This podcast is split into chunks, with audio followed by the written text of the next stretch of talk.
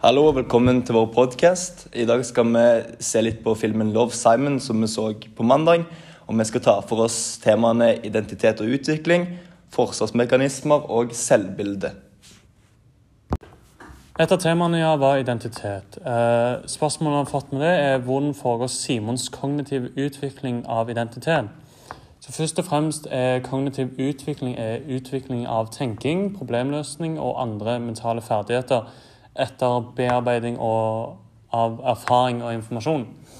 Så vi ser gjennom filmen at uh, hvordan Simon forandrer seg etter opplevelsene som tar plass i filmen. I starten av filmen har Simon en normativ identitet. Dette kommer fram ettersom Simon prøver å oppføre seg som alle andre for å passe inn. Uh, hvis Simon ikke hadde forandret seg gjennom, uh, gjennom filmen, kunne det endt opp med at han begrenset og eller hadde endt opp med en begrenset og fastlåst, fastlåst identitet. Men i slutten av filmen ser vi at Simon utvikler, mer, eh, utvikler seg mer mot en informert identitet, hvor han begynner å være mer åpen for sine egne endringer og mer selvsikker på sin egen identitet. Et annet tema var utvikling. Uh, spørsmålet til det er hvorfor har Simon utviklet seg slik han har gjort? Uh, både arv og miljø har spill på påvirkende av Simons utvikling gjennom livet. Simon kommer heldigvis fra en trygg og god familie, og han har også en vennegjeng som han er veldig glad for å ha. Simon sier selv i filmen at han er redd for forandring, og derfor tør ikke han å komme ut som homofil. Dette kan skyldes at mennesker er flokkdyr, og Simon frykter for å miste familien og vennene sine, som er en del av flokken hans, i tilfelle de hadde blitt påvirket av forandringen med at han er homo. Det neste spørsmålet er hvilke perspektiver kan anvendes for å forklare. De eh, biologiske perspektivet kan forklare teorien om at mennesker er flokkdyr, ettersom vi holder oss i sosiale grupper. Eh, det kognitive perspektivet har jeg allerede snakket om. Simons utvikling er et produkt av gener han har arvet, og miljøet han har vokst opp i, som er, eh, som er det kognitive perspektivet. Et annet tema vi har valgt å se på, er da forsvarsmekanismer. Og Ifølge psykoanalysen så hjelper forsvarsmekanismer ego til å håndtere konflikter å holde de utenfor bevisstheten. I filmen 'Love Simon' som vi har sett, så viser Simon hvordan bruk av slike forsvarsmekanismer hjelper han til å flykte fra de ytre kravene, som med andre ord er at de fleste forventer at han er heterofil. Et av spørsmålene under forsvarsmekanismer er hvilke strategier Simon bruker, og i hvilke situasjoner han anvender dem. Og Et godt eksempel på en forsvarsmekanisme som Simon bruker, er fantasi. Han bruker fantasien til å flykte fra problemet sitt, i hermetegn, som er hva ytre faktorer forventer av han, som typ familie, venner og folk på skolen. Alle forventer at han er heterofil. I tillegg er han redd for konsekvensene av hvis han kommer ut av skapet. Og Da drømmer han seg vekk til en annen verden, f.eks. når han snakker med eh, sin blue, eh, til et sted hvor det ikke fins fordommer eller forventninger om hvem han skal være, men der han får være akkurat den han sjøl tenker at han er. Et annet godt eksempel der fantasi som forsvarsmekanisme brukes eller anvendes av Simon i filmen, er på julaften eller den juletiden der han spiser middag med familien, og der han drømmer seg bort at han kysser den som han tror er hans blue under mistelteinen. Så hvorfor anvender Simon disse forsvarsmekanismene? Grunnen til at man på generelt grunnlag bruker forsvarsmekanismer, er for å hjelpe ego til å håndtere konflikter man møter, med å holde det utenfor bevisstheten. Simons konflikt er at han på den ene siden vet at han er homofil, og det har han visst lenge, og på den andre siden er redd for konsekvensene om han avslører sin identitet.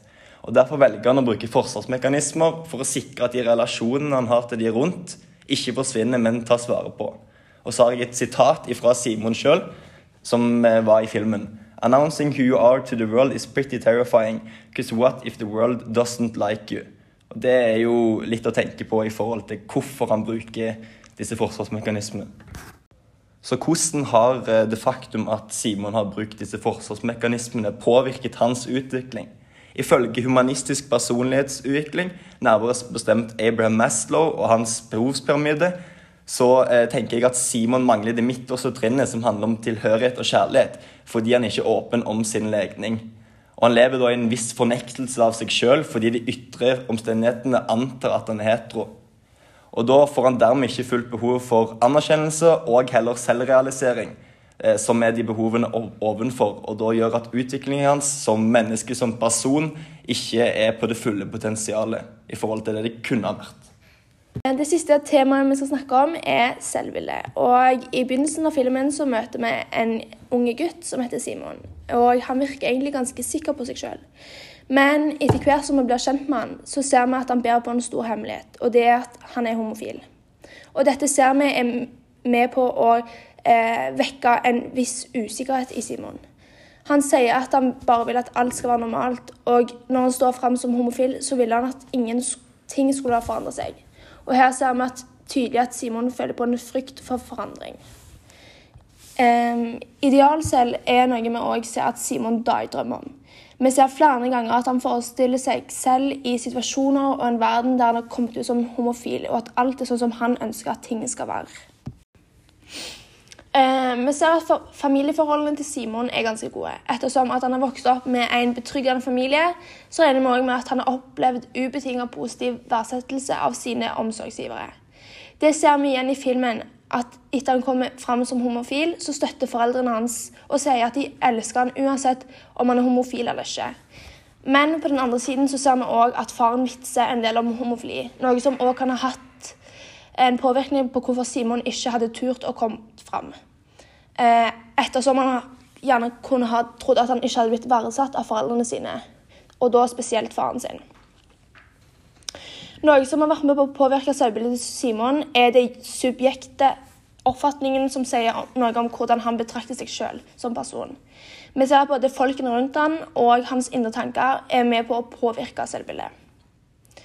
Eh, noen situasjoner som er viktige for utviklingen hans i filmen, er både positive og negative, er at eh, Simon får et ganske negativt selvbilde av seg selv når han blir gjort narr av i kantinen av hans klassekamerater. Og Her får han nå et dårlig inntrykk av at han har kommet ut som homofil. Og noe, dette er noe som er med på å svekke hans forhold til det å være fornøyd, fornøyd med seg sjøl. Vi ser òg noe positivt som skjer i filmen. Det er da han får motivasjon av Blue til å være den han er, og stå opp for seg sjøl. Her blir da hans selvbilde positivt påvirka.